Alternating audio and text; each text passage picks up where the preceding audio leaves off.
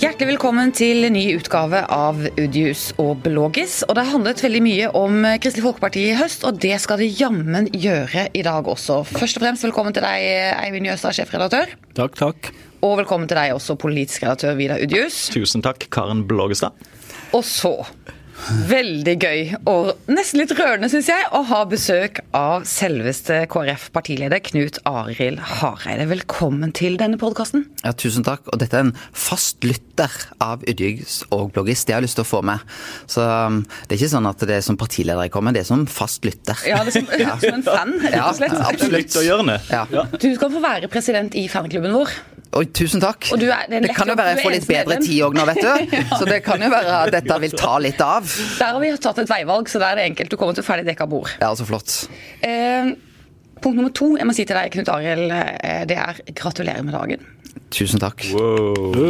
Yeah. Det... Nå har vi kake i studio. Ja. Ja, du, at Vidar har kjøpt inn kake til oss alle fire, det viser litt Og om den er altså steinbakt. Var det det det sto? Ovnsbakt? Den så hard ut. Det er ikke noe krem på den. En, ja, en sånn liten god ei. En bitte liten formkake. Ja, rett og slett.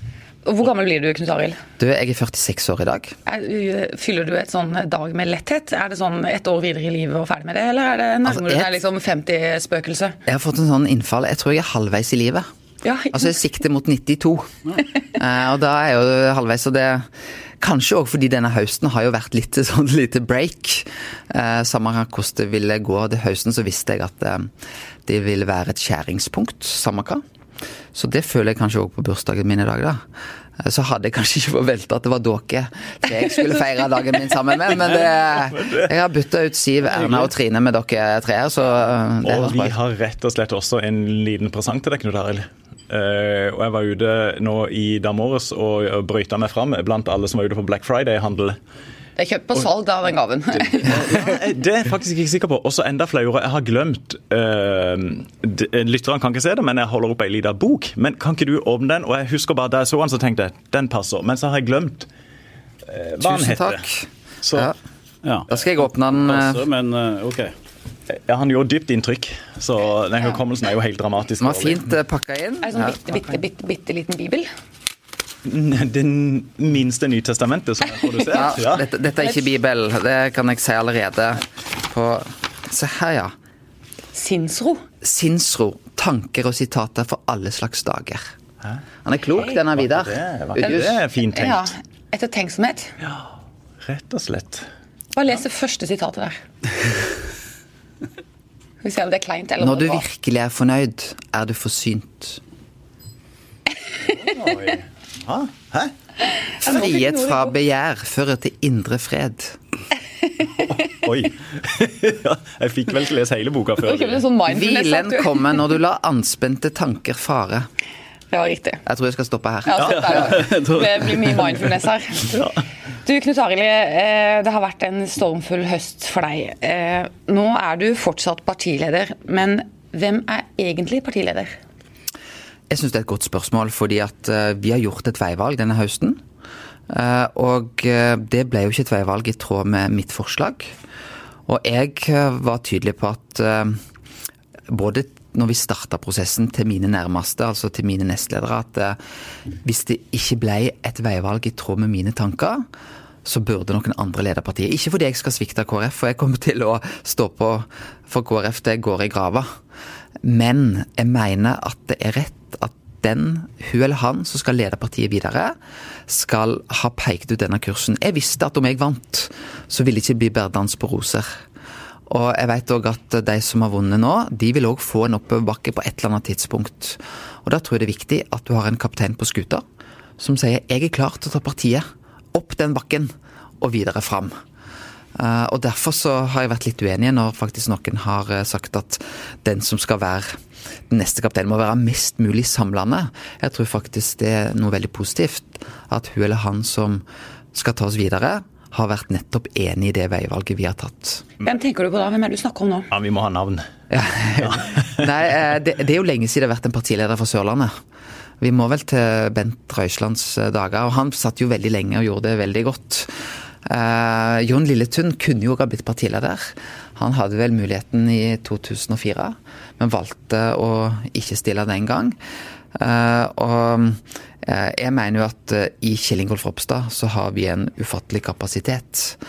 Og nå skal partiet få lov til å føre sine prosesser, men det vil ikke vært meg imot om det blir Kjell Ingolf Ropstad som, som tar på seg den jobben. Det var jo eh, Vi har dekning for å si at Hareide lanserer Ropstad, har vi ikke det? Jeg tror nok det, det, det er mange som har lansert han, men, men eh, jeg ser at han har alt for å bli partileder, så er det partiet som naturlig nok skal få lov til å føre den type valg og prosesser. Eh, men jeg mener at nettopp òg at han har vært så tydelig gjør at han òg vil være godt egnet, skulle vi, vi lande eh, i tråd med det som landsmøtet vårt nå har pekt. Men du, partiet trenger ikke en som er mer samlende, da? Altså dette At han har vært så tydelig, kan ikke det være en svakhet også ved at han skal lede skuten videre? Jeg tror at uh, hans tydelighet i denne saken er ikke seg sjøl en, en, utfordring. Men enhver partileder er nødt til å være samlende.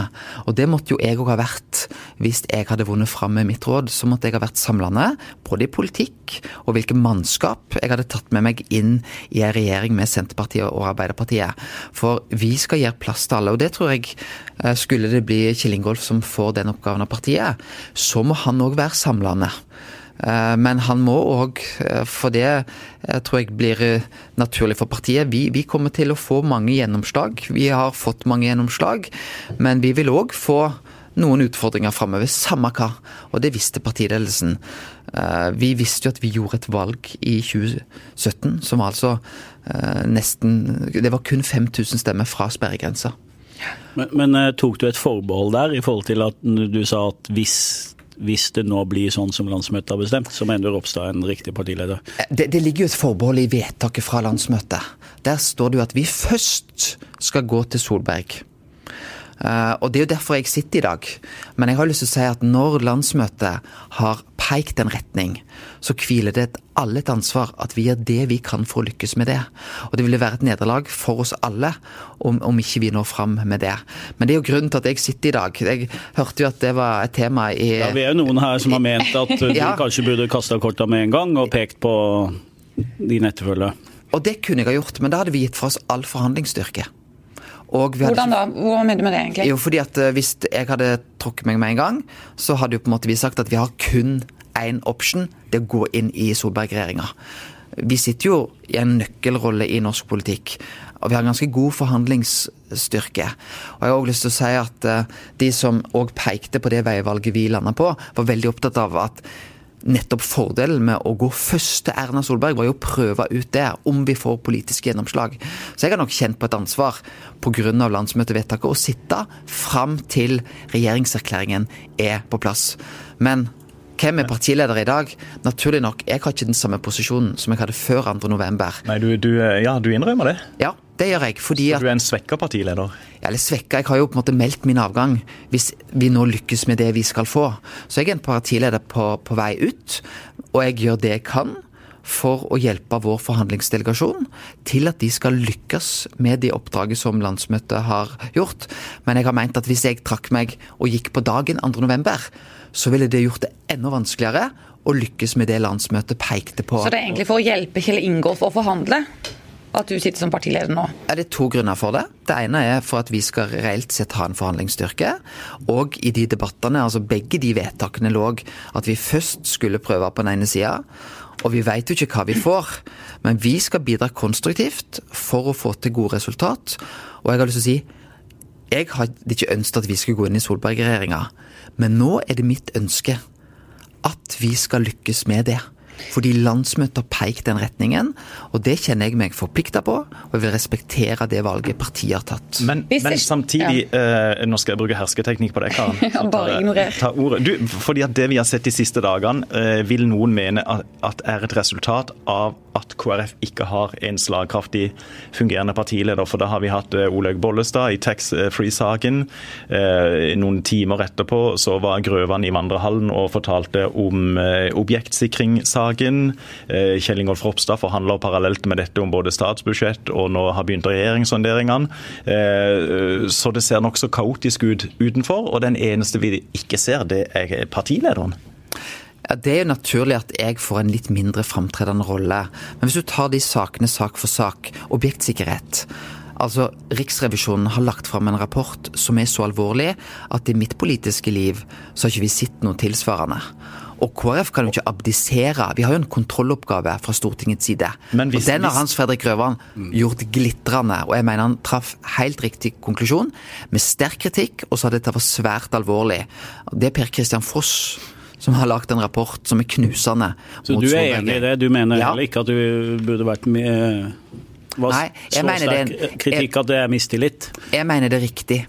Og Så la jo òg Hans Fredrik Grøvan på plass at han forventa òg at statsministeren sa noe av det samme i Stortingets talerstol, og hun har bekreftet at hun kommer til den saken.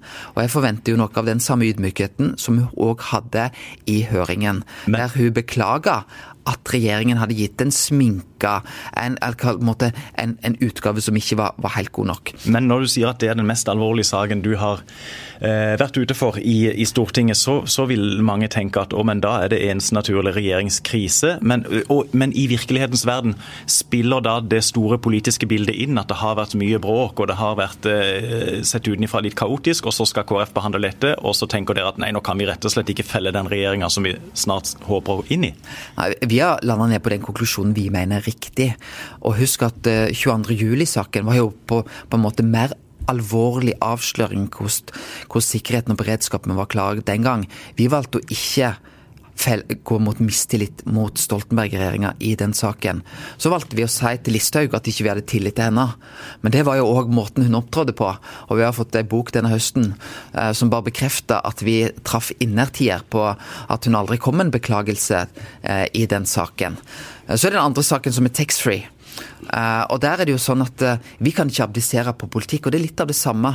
Vi skal selvfølgelig Vi har ikke starta eller vi har vel starta sonderingene i går, men, men eh, på det tidspunktet så hadde ikke vi starta verken sonderinger, vi er ikke i gang med regjeringsforhandlinger, og vi kan ikke abdisere som politisk parti. Og hvis det er noen som tror at Fremskrittspartiet før de hadde gått som opposisjonsparti, før de hadde gått inn i regjeringsforhandlinger, ikke ville stemt for et forslag om å senke bensinavgiftene i dette landet. Da tror jeg han er ganske naiv. Og vi må selvfølgelig stå for vår politikk, men vi gjør det på en ryddig og konstruktiv måte. Men det er jo, ja, det sier i hvert fall litt om at politikk er mangfoldig. For den ene dagen så har vi altså et kjemperabalder for uh, om to flasker vin. Uh, og dagen etterpå så er det en kjempealvorlig sak om uh, regjeringen ivaretar innbyggernes sikkerhet. Og, og det her syns jeg det illustrerer litt det dilemmaet KrF er i nå. at det er jeg må jo ta meg om, om eh, jeg tror på det som blir sagt. ikke sant? Tilliten til at man faktisk snakker sant her. Altså eh, at ikke det spilte inn at eh, KrF skulle i sonderinger, at Grøvan og KrF falt ned på. Sterk kritikk. Hvis man skal følge med på hva Grøvan har sagt hele veien, så, skulle, så bygger det opp til en mistillit. Eh, at, eh, at dette som skjedde i Stortinget med Bollestad osv. var liksom eh, framstått samkjørt etterpå, det, det er vanskelig å tro på. Og det er litt der KrF er nå. ikke sant? Er liksom, er liksom, man kan lure på om du òg egentlig sitter og håper at disse sonderingene skal strande. At det er derfor du sitter klar. Eh, og, og sier at du er partileder til vi ser om det eh, om, om vi lykkes. Hvis ikke det lykkes, så hopper du inn igjen. Så, skjønner du hvordan det ser det- ut utenfra? Jeg, jeg forstår at det ser sånn ut eh, utenfra. Man prøver Men- å si at man opptrer ryddig og man bare holder på, men Men der tror jeg òg vi må være så ærlige og si at vedtaket vårt på vårt landsmøte sier ikke at vi skal gå inn i Solberg-regjeringa. Men vi sier vi skal ha sonderinger, samtaler der først. Eh, men det er jo klart det er et viktig veivalg. Og ja, jeg er ærlig på det. Eh, Selv om jeg ikke ønsker det vedtaket, så ønsker jeg at vi skal lykkes med det nå. Og da må vi bidra til det. Men vi kan heller ikke abdisere som politisk parti, og vi opptrer ryddig. Eh, Jeg tror på en måte også, Hadde vi ikke stemt for å endre taxfree-kvoten Og husk det forslaget der. Det har jo vi aldri vært med på. Eh, Det var jo sånn at det var Solberg-regjeringa som kom med i våren 2014 med en veldig liberalisering. Og, det, og på det tidspunktet hadde vi en samarbeidsavtale som sa at alkoholpolitikken i Norge skulle ligge fast. Og så valgte da Høyre og Fremskrittspartiet å bryte avtalen på det punktet. Eh, og skulle vi da nå rett, på en måte ikke stå fast med det vi har stått for i 2013, 14, 15, 16, 17 og 18, det tror jeg ville vært veldig spesielt òg mot våre velgere. Jeg spørre om en annen ting. Hvis, når du snakka med Jonas Gahr Støre i høst om at det kanskje kunne komme et sånn utfall, så regner jeg med dere har diskutert men ok, hvordan, hvilken sak skal vi felle regjeringen på? Jeg regner med dere diskuterte det? Vi gikk aldri inn på inngående samtale om, om, den operative oppfølgingen. Men vi hadde naturlig nok, noen dager før vårt ekstraordinære landsmøte, så hadde jeg en, en, kort prat med han. Det gikk ikke på politiske saker, men det gikk jo på hva som skjedde hvis jeg fikk flertall. Og jeg vil nok si at det naturlige den gang, det ville vært at vi hadde hatt samtaler da om hvordan vi skulle håndtere budsjettet, og at budsjettet hadde blitt den saken vi hadde fått til det skiftet som, som jeg da ønsket med mitt råd. Du visste jo at objektsikringssaken kom etter, rett etterpå? Ja, det gjorde jeg òg. Men eh, objektsikkerhetssaken den kan en diskutere. Men jeg mener nok at det er en riktig konklusjon vi har landa på. Fordi at òg regjeringa har gjort en ganske god jobb med terrorsikkerheten. Eh, likevel så er jo noe av regjeringens utfordring var at vi hadde, da vi forrige gang hadde denne saken på vårt bord i Stortinget, så gav de en, en for, for De gav en de gav en versjon som var litt bedre enn det virkeligheten egentlig sa. Det har statsministeren innrømma i høringen, og jeg forventer at hun òg innrømmer det når hun kommer til Stortingets sal og sier det samme der. Og da har vi gitt nå en sterkere kritikk enn sist. Vi sier sterk kritikkverdig og svært alvorlig. Det syns jeg er en klok konklusjon av Grøvan. Du, Knut Arild, Hvis vi snakker litt til om hva som kan skje i framtiden, altså hvilke scenarioer en står overfor hvis nå, som du ikke ønsker, at Kjell Ingolf Ropstad skal mislykkes med sonderingene i forhold til den blå regjeringen.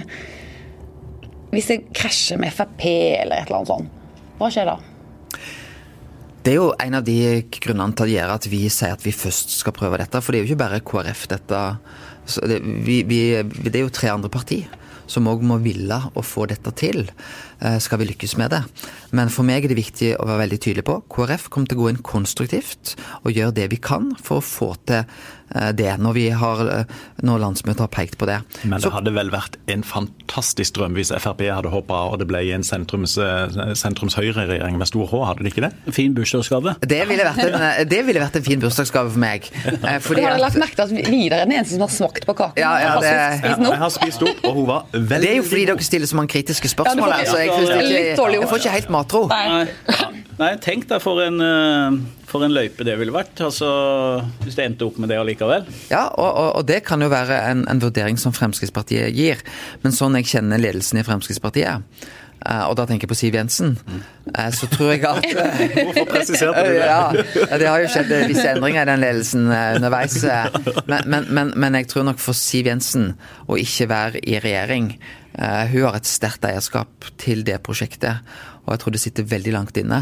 Men jeg var nok overraska over at det var ni av tolv representanter som Og hun gikk jo egentlig lengst i kritikken, Siv Jensen. Ja, hun men... sier uh, samarbeid handler ikke om å stikke kniver i den man skal samarbeide med.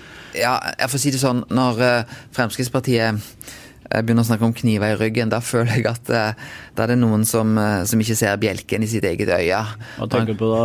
Jeg, jeg tror vel vi har hatt formuleringer og ordbruk fra Fremskrittspartiet mot KrF som har vært langt drøyere, langt mer aggressiv enn det noen KrF-er har hatt mot Fremskrittspartiet. Så, så der, men, men, samtidig gjør det ikke inntrykk på at når partilederen da sier Nei, det gjør det ikke. Det, nei, det gjør det ikke. Fordi hva, hva, er denne uroen i Fremskrittspartiet? Det er ikke to flasker vin.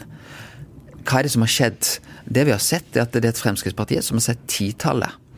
Et Fremskrittspartiet som vil kunne oppleve det mer krevende med å få en flertallsregjering. For de har jo brukt nettopp mindretallsposisjonen, og der må jeg gi dem litt honnør. Kall det en dobbeltkommunikasjon, men de har gjort den rollen ganske godt. De har lykkes med det. Nå blir det en måte strammere tøyler. Og det som er landa for regjeringa, det er landa. Og Derfor så blir det òg mer krevende for de. Og jeg leser jo det som har skjedd de siste dagene. Det er jo på en måte en viss sånn frustrasjon over et parti som er dalende, som vet at det blir mer krevende.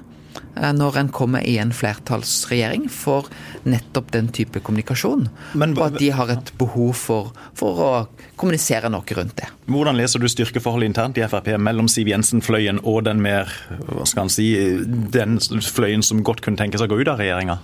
Altså 9-12 på dette gruppemøtet, der var jo ikke Siv Jensen til stede.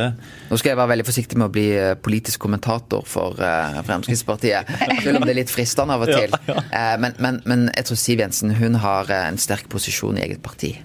Og jeg tror òg at eierskapet til, til regjeringsprosjektet er sterkt i Fremskrittspartiet. Men ja, det er jo en av de tingene vi får vite, og som òg gjør at, eh, at vi må vi må vite hva som skjer.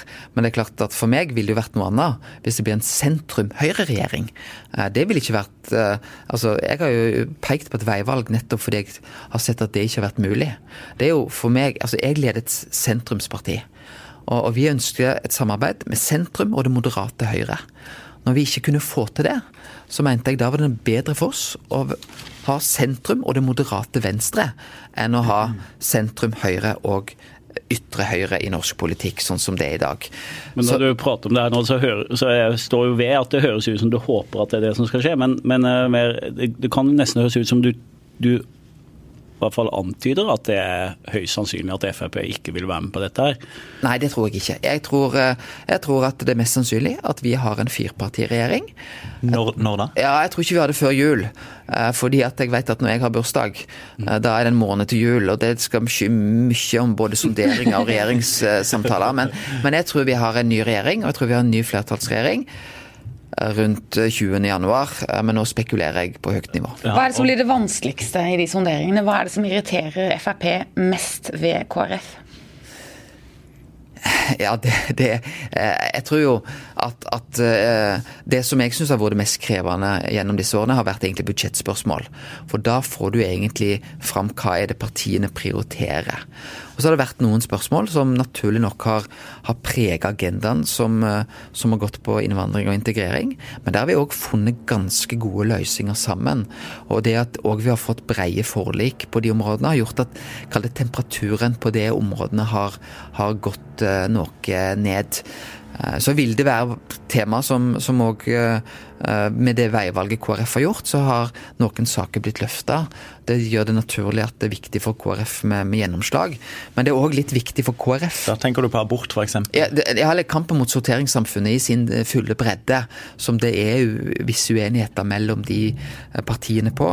Men jeg tror òg det blir viktig for KrF. For nå, må vi, nå bør vi lese um, memoarene og, og biografiene til Kristin Halvorsen og Åslaug Haga. De satt som partiledere i en flertallsregjering. Eh, og hva er noen av deres erfaringer? Jo, det er jo at nå blir det en flertallsregjering. Da skiftes jo interessen. Stortinget kommer til å bli mindre interessant. Men hva som skjer på møterommene i regjeringskvartalet mellom de fire partiene, vil være desto mer interessant. Fordi beslutningen fattes der, så er det sannsynligvis mest den endelige beslutningen. Men så har vel Erna Solberg sagt at vi skal ikke få en sånn parlamentarisk situasjon som vi hadde, eller eh, ja, tilværelse som vi hadde under den rød-grønne regjeringa, hvor det kun var stemmekveg som satt på Stortinget. og Og Og det synes syns-? Og det syns jeg er veldig klokt signal fra Erna Solberg. Jeg tror det er både riktig og viktig eh, at det ikke skjer. Og jeg tror òg de rød-grønnes erfaring med det, det det regimet de kjørte i de åtte årene, ikke bare var positive. Det gjorde jo litt at, det utviklingen, den politiske utviklingen i stortingsgruppene ble for liten. Eh, Og det ble for lite politikkutvikling på Stortinget. Mens det kanskje nå disse årene har vært nesten litt for mye av det. på, på Stortinget. Det, ja. Du, unnskyld.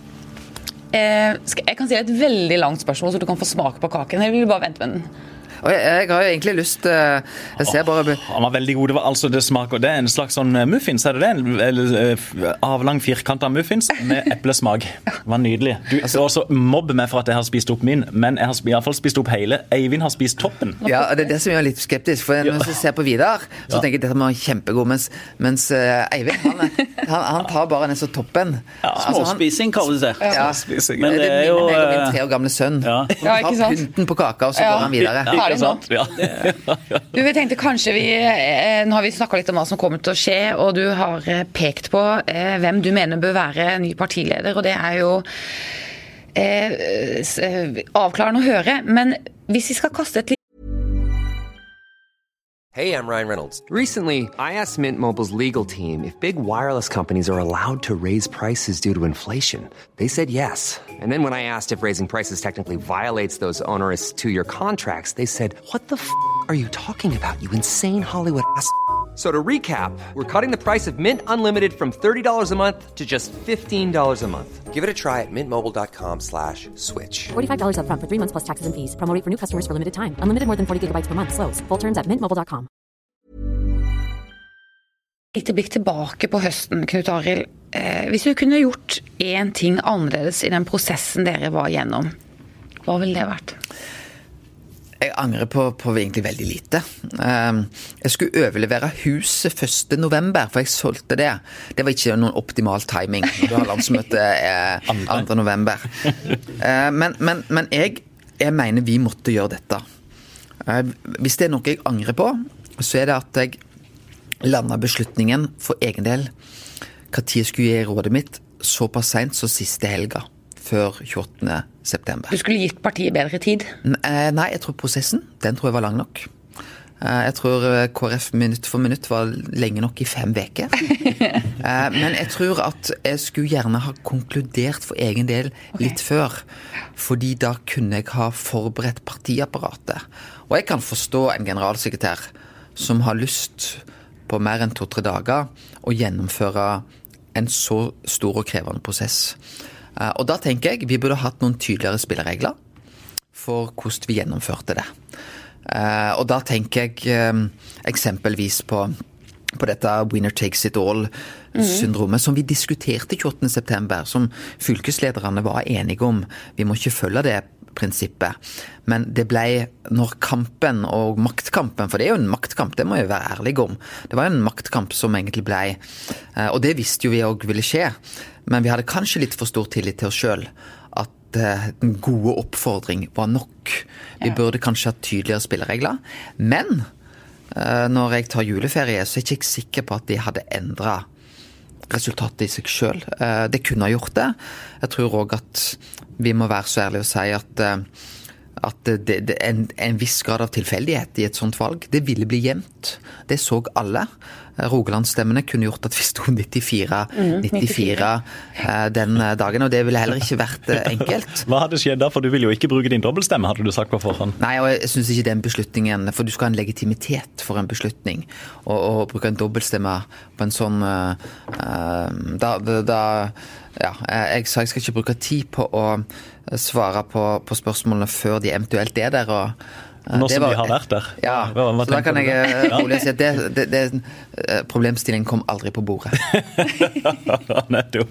Nei, men du, Det er interessant du sier det at du tar sånn seg selvkritikk på dette her med å forberede partiapparatet bedre. Det er jo også en kritikk du har fått fra Grøvan og hans eh, fløy, og tydeligere spilleregler. Men Sørlandets rolle, hvor viktig var Sørlandets rolle i det resultatet som til slutt ble? Altså, Sørlandet hadde jo en tydelig overvekt for å kalle det uh, Olaug og Kjell Ingolfs eh, alternativ. Eh, og der tror jeg eh, eh, Men jeg tror ikke Sørlandet hadde en, eh, en avgjørende betydning for eh, valget. Eh, jeg leser dette som at dette kunne gått begge veier. Eh, jeg tror nok at eh, at eh, og, og jeg opplevde en enorm entusiasme etter talen 22.9. Og på Sørlandet, har jeg lyst til å si det. Eh, og ja, det var et flertall mot meg, men jeg tror òg at, at vi, Og der er jo den store uenigheten mellom Kjell Ingolf og Olaug og meg. Det er hva ville vært vårt potensial framover. Jeg mener jo at med å følge mitt råd, så har det vært et større potensial. Vi kunne på en måte få en større bredde. Og der, eh, der har Olaug og Kjell Ingolf De mener at vårt potensial er størst ved, ved det alternativet som, eh, som de har. Men jeg tror ikke Eh, Jeg tror ikke Sørlandet var Det var mange på Sørlandet som støtta meg. Men jeg har nok òg opplevd at nettopp fordi vi har samarbeida med høyresida over så lang tid, så har en del av de som er litt mer venstreorienterte òg i KrF på Sørlandet, blitt litt stille, litt roligere. De har på en måte gitt litt opp. Um, um, men jeg visste at det ville bli jevnt, uh, og det ble jevnt. Og valget, det må vi leve med. Men en avklaring, det var riktig uansett. Da må jeg spørre deg, Vidar, for at det er interessant det han sier her nå. Hvordan tenker du, eller hva tenker du Nei, om jeg det? snakker, jeg snakker med Jeg må bare først si det, for jeg snakka her for ikke mange dager siden med eh, Dag Nesiden, med en ja, nokså sentrale KrF-er fra Sørlandet som sa at vedkommende uh, endte ned på blå side, men hvis vi hadde fått bedre tid, så hadde jeg nok havna på rød side. For det, eh, vedkommende opplevde det for raskt å bytte side politisk i løpet av en drøy måned, eh, og at det var for, for kjapt. Men vedkommende viste til den prosessen Senterpartiet hadde hatt, hvor det da ble brukt flere år på å diskutere og forankre da de gikk inn i den rød-grønne regjeringa. Så det er jo sånn sett ett et perspektiv. Nei, jeg, jeg syns det er veldig interessant. Og jeg, for, um, Spørsmålet mitt, eller lurer det du lurer på, eller? Eh, Kan du eh, roe deg ned, Karen? Er inne i et godt resonnement. Ja, Nei, jeg, jeg, jeg syns det er interessant det Knut Arild sier om, eh, om prosessen og spilleregler. Og sånn i ettertid, så eh, da er det jo veldig lett å være klok, men i ettertid så, så ville jeg kanskje tenkt at da både Sandnes og Haugesund KrF valgte kun røde utsendinger til fylkesårsmøtet, da ville jeg tenkt at det kunne ringt ei alarmklokke på partikontoret i KrF med sånn Oi, hva er i ferd med å skje her? At det da kunne kanskje gått ut et tydeligere bud fra keiser Augustus til alle eh, fylkesårsmøter om at eh, vi skal sende representative delegasjoner. Og da er ikke Knut Arild det- keiser Augustus, tenker du? Rett og slett. Ja. Men, men lyst- der, der, der, på det tidspunktet så gikk jo det òg rene blå delegasjoner samtidig.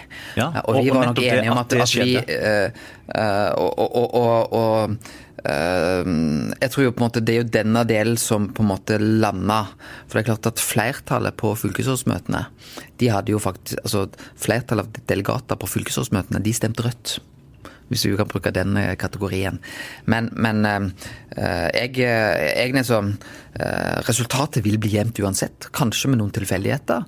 Jeg vil jo også si at, at Erna Solberg hadde jo to utspill mot meg som ikke traff spesielt godt. Eh, som gjorde at på en måte vi fikk jo en vind videre. Så, så kom abortspørsmålet som Hvilke kanskje utspill var det? Bare... Nei, det var at, eh, at den mannen som hadde frivillig stått utenfor regjering i fem år, som har sagt nei til regjeringsbil eh, i fem år konsekvent, plutselig var blitt så eh, var det maktkåt. Ja. Ja. Det er vel ikke det som har prega Ja, jeg har hatt innflytelse over norsk politikk, men det er ikke det at jeg først og fremst skal i regjering som har prega meg de siste årene. Og òg legitimiteten. For jeg mener jo at ja, eh, vi har samarbeida mot, mot Høyre, men vedtaket vårt i 2017 det hadde jo en åpning mot Venstre. Og det er jo åpenbart. Det var jo derfor jeg ble så utydelig. Det var derfor Og, og ja, det kan være lett å si at- med- ja, men det ble og du jeg- hensikt. Og jeg tror ikke KrF heller har tid til å føre en sånn prosess over mange år. Jeg tror vi måtte gjøre en avklaring. Men, men var det du Knut Arild Hareide, som kom med det eh, uttrykket som, ble, som dere gikk til valg på, at vi, hvis ikke det er mulig med en, med en regjering mellom eh, KrF, Venstre og Høyre, så går vi mest sannsynlig i opposisjon. Ordene 'mest sannsynlig', som da ville åpna for å gå mot Venstre, var det, var det dine ord? Eh, det var nok landsstyret sine ord, men jeg stilte meg fullt og helt bak de. Men de Og- kom fra en plass. Eh, ja, men det, jeg husker ikke helt nøyaktig. Jeg tror faktisk Hans Olav Syversen var med på akkurat de ordene. Men for etter valget i 2017 så var det mitt mål å bli i opposisjon i fire år i den vipperollen. Men det var da jeg forsto at det er ikke en bærekraftig posisjon for KrF. Det var da, når jeg forsto det Den som forsto det først, var Kjell Ingolf Ropstad. Han var hjemme i pappapermisjon. Kom og sa tilbake jeg tror ikke vi kan bli. Så det var han som skjøv deg over til venstresida. Uh, ja, på et vis så, så gjorde han det. For når vi da måtte velge, så sa han jeg mener vi skal gå inn i Solberg, sjøl med løftet vi ga om Frp. Og når jeg forsto vi måtte velge, så ble det veldig enkelt for meg å si. Da mener jeg Senterpartiet, eh, Arbeiderpartiet. Så må jeg si det at det å forstå KrF det er jo også, det har jo vært en, virkelig en voksenopplæring for hele Medie-Norge, og for så vidt hele folket. Men Feven sitter på en betydelig kompetanse.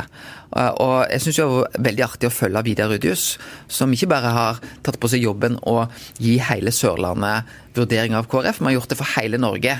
Uh, Og gjort det på en veldig god måte. Fordi han har kunnskap og kjennskap til KrF. Ja, og det er jo den innerste Dette slipper vi ikke nå. Nei, men Knut Arild, må si det du sa, for det var veldig morsomt i stad når du kom på besøk til oss, eh, eller entret eh, lokalene våre, så sa du at eh, Vidar, eh, min nedgang, det har vært din medgang. Ja, altså, min, eh, Nei, din motgang har vært min motgang har vært hans oppgang. Ja, så var det. Eh, Så det er Jo mer trøbbel du er i, jo mer får Vidar blomstre på TV. Og får dere nå en partileder fra Sørlandet, så, um, Ja, det, så kan ikke dere være misfornøyd med denne høsten. Nei takk skal du ha, Knut Arild Hareide. Ja. uh, ikke, ikke for å ødelegge festen, Vidar, men Ok, eh, du, vil- du vil videre, ja? Nei, men det er jo interessant også, eh, som jeg har lyst til å høre hva du tenker om. Når en leder skal ta et såpass dramatisk strategisk valg for eh, det partiet han leder, eller virksomheten han leder, for den saks skyld, så setter du jo mye i spill. Og eh, er du Altså personlig så er, tenker jeg at eh, det kan godt være KrF aldri klarer å reise seg igjen. Og bli et parti som er trygt plassert over sperregrensa. Kanskje, man nå, kanskje dette har gjort at det fører til avskalling, splittelse osv. Og, og du vil jo Da vil jo det henge ved deg, på en måte. At du satte det i gang. Hvor mye Har du hatt noen våkenetter på det? At du har, om dette har ført til at KrF liksom nå er At Knut Arild ødela KrF. Nå ødela sendingen litt. Nei, fordi at da må man vite at vi gjorde et valg eh, Altså Min strategi med KrF det har vært å samle absolutt hele veien. Det gjorde jeg eh, først og fremst ved 2013-valget. Jeg Gjorde det i 2015-valget. Eh, gjorde det for så vidt i 2011 òg. Altså 11, 13, 15 samla KrF. Det gjorde jeg òg inn mot 17-valget. Det gikk bra i 11, det gikk bra i 13, det gikk bra i 15. Jeg bomma i 17. Jeg hadde en for liten tydelighet. Og jeg tror vi skal gå til valg i 2021, og vi må ha en større tydelighet med oss.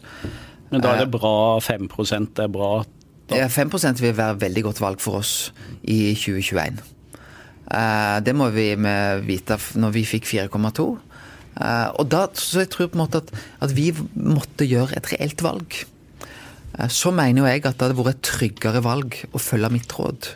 Fordi vi, vår sentrumsidentitet er så sterk at det vil, vil være eh, mens, mens andre mener, kall det, at, kall det den ikke-sosialistiske, eller kall det det borgerlige, som ikke er et ord jeg bruker om KrF, er det sterkere. Og det var jo der konflikten òg gikk mellom. Men jeg tror mange KrF-ere kommer til å være lojale samme hva. Men det blir en viss avskalling. Men det visste vi. Samme hva valg ville gjort. Og jeg tror det farligste for KrF ville vært å sitte stille i båten, ikke gjort noe. Og det var jo partiledelsen fullt ut enig om, men vi var jo enige om veivalget. Så mener jeg at det ville vært en tryggere skjebne for partiet om de hadde valgt mitt råd. Eh, Og partiet har hatt alle muligheter å følge mitt råd, men de har ikke gjort det. Akkurat det høres ut som sånn som vi sier i mediebransjen når vi eh, ikke aner helt hvor vi skal gå. Så sier vi men det er i hvert fall det farligste vi gjør, er å stå stille. Ja. Vi er nødt til å ta et valg. Det er, men, Men han- men du er ikke reelt redd for at dette Nei, men, har men, det, Jeg forstår eh, hva sjefredaktøren sier, men vi skal inn i valget i 2021. Og tenk at vi skulle gå inn i ei regjering med Fremskrittspartiet i, og stått i 2021. Hvis vi skulle sagt det til velgerne våre i 2021 etter å ha stått utenfor i sju-åtte år. Det tror jeg hadde vært veldig vanskelig. Veldig vanskelig å forklart. Eller at vi skulle gå inn i regjering med Senterpartiet og Arbeiderpartiet uten å ha vist velgerne våre at det går godt. Så enkel var egentlig analysen. Eh, Og jeg tror den analysen står seg veldig godt. Jeg tror at, Men jeg må jo innrømme det, at jeg tror kanskje vi kan få litt mindre politisk gjennomslag fra 20, i 2019, 2020, 2021 pga. det valget vi har gjort. Men vi har en større tydelighet inn mot valget i 2021, samme hva. Du, Vi har jo et sånn veddemål på gang her i podkasten. Har du fått med deg det, Knut Arild? Ikke Ja. på gang.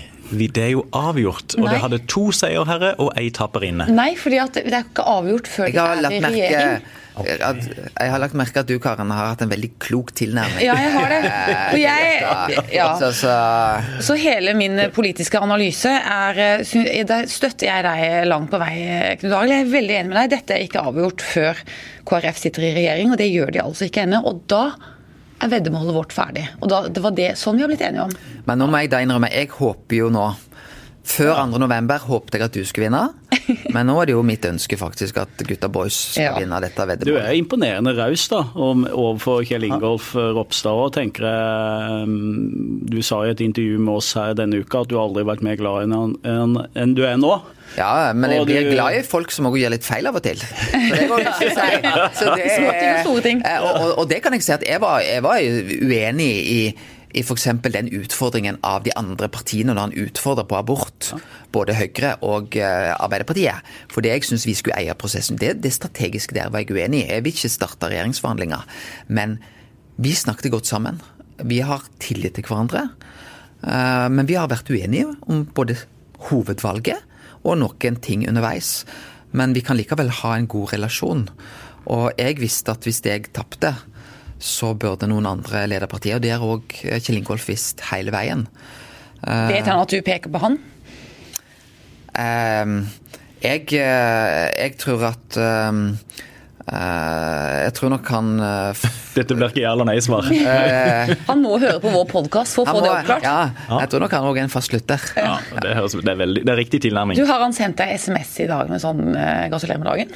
Du, det er veldig mange som har sendt meg uh, SMS. Ja. Uh, Det som har gjort sterkest inntrykk, er at jeg fikk da et kort med tre plastra kroner på. Eh, Fra sønnen min, Tord Olav på tre år. Fordi han sier at eh, når vi er i butikken og skal kjøpe godteri, så har alltid pappa for lite penger. Så det var Så nå er det løst. Nå er det løst. Ja. Men Har du fått gratulasjon fra Siv Jensen i dag? Du, eh, jeg har ikke fått eh, Jeg har fått mange gratulasjoner. Um, så det, de renner inn òg mens vi sitter her i podkasten. Jeg har så lyst til å se noen SMS-er på mobilen din fra Kjell Ingolf. For jeg er også nysgjerrig på hva slags tone dere to har. liksom sånn... eh, Kan du lese høyt den siste SMS-en eh, fra Ropstad? Hvis ikke det er noe som diskvalifiserer han for å bli partileder i KrF, da selvfølgelig. Ja, nå, nå går jeg inn her. Eller kanskje helst, da. Kommer det sånn SMS-er seint om kvelden, sånn lav SMS-er? Sover du? Må diskutere noe. ja, nei, nå, eh, ja. eh, eh, Poenget er det som skjer nå. Dette er jo så mange lykker òg, vet du. Ja. Så det var den siste Nei, vi venter på dette. er Ja, ja, ja, ja. Og ingen Det andre kommer til å si noe mens dette skjer. Nei. Ingen som slår av nå. Oi, oi, oi. Du, jeg synes det er, Jeg skal ikke begynne på oppsummeringa, men dette har rett og slett vært eh, veldig interessant. Jeg har notert en del sitater. Det, var, det er grunnfag i KrF. Ja. Jeg syns jo det er litt artig. Her er en av de siste han skriver. Håper du sover. Prikk, prikk, prikk, smilefjes. Men to ting. VG sitter på noen dokumenter. Det er, det, det er litt av den uh, Det, ja. det er en god natts søvn. det, er, det, det får ta for meg søvn. vil jeg God natt. ja, ikke sant? Ja, det var en av de der, så jeg. Har du- har Så du- har jeg fått bilde av uh, Anna Louise òg. Ja, datteren. Ja. Så koselig. Men for, for, har du fått mye dritt uh, i løpet av denne prosessen? Altså fra, fra politiske motstandere på ytre høyrefløy, f.eks.? Ja, det har jeg.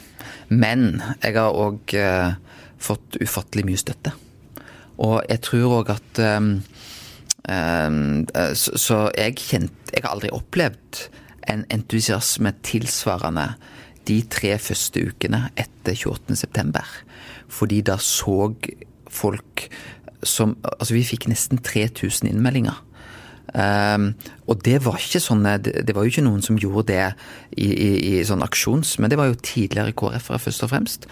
Typiske som meldte seg inn, var dama 53 år gammel, som sa jeg har stemt KrF rundt årtusenskiftet pga. familiepolitikken. Nå vil jeg ha noen som drar verdipolitikken i riktig retning. Uh, og og uh, så, så, så jeg uh, uh, Jeg angrer Selvfølgelig som det, Etterpåklokskap kan du alltid ha med deg, men hovedtrekkene denne høsten angrer jeg ikke på. Men jeg skulle veldig gjerne ha vunnet. Men er det på den annen side er det litt godt òg å være ferdig på vei ut? ikke sant? Nå, øh, nå er dere på vei til svigerforeldrene. Dette kunne du ikke gjort hvis du hadde, hvis du hadde vunnet. Da hadde det vært sonderinger og, og ting og tang gjennom helga. Nå kan du på en måte Det er et nytt liv som venter deg. Jeg tror at eh, det som har prega disse, disse vekene i høst, er nok at både Kjell Ingolf og jeg visste. Jeg tror vi så utover de, vekene at begge hadde fryktelig lyst til å vinne. Men begge visste òg at den som vant, uh, fikk noen bekymringer uh, framover. Uh, og det vil nok det være. Men jeg merka nok at lysten på å vinne ble større for oss begge to i løpet av den, den intense valgkampen. Dere snakka dere litt varme? Ja, og vi ble tryggere på at der vi sto, var det riktige for partiet. Du, Knut Arild, må si dette veddemålet vårt om eh, hvem som kommer i regjering eller ikke, og hvem som lykkes eh, med den ideologiske kampen i KrF. Det er litt skuffende at jeg har sittet her og forsvart din linje i hele høst. Så kommer du på besøk, så er du på lag med de andre. Det er litt rart. Men hadde du invitert meg før 2. november, Så hadde vi vært der. så hadde jeg vært uh, din beste støttespiller. Ja. Men du, Knut Arild, vi Det er skal litt kjipt å være mer katolsk enn pavenkaren. Ja, sånn er det. Så det skal jeg bare bite litt i meg og tenke litt på i adventen, adventstiden. Men eh, nå, i dag er du 46 år, Knut Arild, og straks arbeidsleder, da. Nei, jeg sitter på Stortinget. Ja, men hva har du fått, Er det noen som har villet ha tak i deg? Og jeg, jeg har bare lyst til å si det. Jeg har permisjon fra min jobb i Skipsted. Så bare pass dere. Ja, ikke sant, jeg vet det. Du er jo egentlig en av oss. En veldig fin overgang til å snakke litt mediepolitikk. Ja. Ja. ja, Eivind, kjør mediepolitikk. Nei da, vi satt Men vi, det kommer jo en mediemelding eh, hvert øyeblikk. Eh, som vi eh, i vår bransje er veldig spent på. Og da har vi jo eh, Må vel innrømme i hvert fall å ha sperra opp øynene litt. Når liksom KrFs eh, innspill i mediedebatten eh, på, i budsjettforhandlingene handler om at NRK må ha et kor. Som vi skal bruke 200 millioner kroner på. Jeg har lyst til å si Det var et forslag en skulle vurdere. Ja. Eh, men, men, men vil, det, mediene Og jeg har lyst til å gi mediene honnør for hvordan de fulgte KrFs prosess. Og jeg syns jo det viste hvor viktig mediene Og mediene er viktigere i den samfunnsdebatten vi har i 2018 enn på lang, lang tid. Fordi at det vi ser nå, er jo en medieutvikling eh, der du sitter litt i dine egne kammer og, og får innspill derfra. Dine beste venner blir enda bedre venner, og du, du på en måte graver deg litt ned i det, både positivt og negativt. Og Derfor så er jo mediene utrolig viktig. Og når vi da ser den type endring av pengestrømmer, som skjer ganske fort, så er det behov for å se på mediepolitikken. Eh, hva som er den riktige mediepolitikken i 2018, er ikke den samme som i 1998. Hva munner det konkret ut i det resonnementet der? Ja, Det vil jo da si at, eh, at jeg tenker eh, Det var jo viktig for oss å få f.eks. momsen på digitale medier. Det var en kjempeviktig sak for oss, som vi, vi lyktes med i forrige periode. Eh, Men jeg mener at vi må se mediepolitikken. Hvordan kan vi reelt sikre kritiske journalistisk miljø som går etter i en tid der fake news I en tid der vi opplever en amerikansk president som, som vi bare for noen år siden ikke trodde var, kunne være mulig, så trenger jo Og, og det er en grunn til det. Det er jo altså medieoppbygningen. fordi at folk tror jo Altså vi kan jo avdekke hans usannheter, men det er jo sånn at det, det blir jo skjult for en del av det amerikanske folket. Så vi trenger jo, kall det medieinstitusjoner i landet vårt, og nasjonalt, regionalt, for å følge opp det. Og det mener jeg er viktigere enn på lang, lang tid. Så har ikke jeg alle konkrete svarene på det, og det tenker jeg det må jo mediebransjen òg få lov til å bidra inn til. Eh, Så er det også sånn at eh, vi har jo en mediestøtte som går veldig på, kall det, de gamle mediene eh, på, på den måten. Og det er tid for å se på nye ting, for å sikre et mediemangfold. Kritisk, med å ha en mulighet til å forfølge saker. eh, Til de som sitter med makt og myndighet. Og til å lage flere podkaster. Ja. Du, Ja, vi er jo veldig enig i det, men Ja, det er jo et tema vi kunne snakka om en eh, tre kvarter til. Så det, ja. Så, og du snakka deg bra vekk fra det koret. Det skal du ha. ja, ja, jeg, og jeg tror at eh, det, det, er, det er en vurderingsspørsmål opp mot det. det. Det, det vil jo være en stor sak. og KrF har ikke landa på at det er en sak vi vil prioritere, men vi ville ha en vurdering av eh, den saken. NRK har jo et kringkastingsorkester, eh, men det har òg en betydelig kostnad. Eh, Men jeg så da, jeg så da eh, en NRK-journalist som hadde lagt ut en Twitter-melding som jeg syntes var veldig bra. eh, Der han skrev at hvis dette utspillet medførte store nedskjæringer i alle regionkontorene, så ville han si han er en bariton. Du, Knut Arild Hareide, du skal videre i din bursdag. Hvordan skal du feire den i dag? Du, jeg er på vei da til Flekkefjord Ja. eh, og skal feire med svigerfamilien. Eh, Svigermor hun har også hatt bursdag denne veka, så vi skal ha felles feiring. Kanskje hun serverer minst like god kake som Vidar? Du, den var veldig god, jeg må bare si det. Ja, den var veldig god. Kunne tolke det der du sa, Ja. Karen, begge veier, egentlig. Eh, Syns du det har gått eh, greit å være på besøk hos oss? Du, det er er over all forventning. Det er kanskje noe av det som har gått best for meg denne høsten. Hvis det blir veldig kjedelig, eller når du liksom er ved enden av din politiske karriere, så kan du kanskje tenke at vi kan rydde litt plass her i podkasten også. Veldig kjekt å høre. fint. Altså, det er ikke bare Vidar du som har kompetanse på KrF, det har jo jeg òg. Ikke sant? Ja, vi kan starte et nytt parti sammen. Ja. Nei. Nei, det vil ikke jeg ha noe å snakke om. Nei, nei, ikke det. Da tror jeg bare vi skal runde av denne podkasten. Det var veldig stas å ha deg på besøk, Knut Arild. Og som sagt så føler jeg vi alle har tatt grunnfag i Kristelig Folkeparti i dag. Og kanskje du kan gi oss et diplom etterpå? Jeg vet ikke. Jo, så absolutt. Det, ja. Det kan vi snakke om. Tusen takk for at du hørte på. Vi høres igjen neste uke.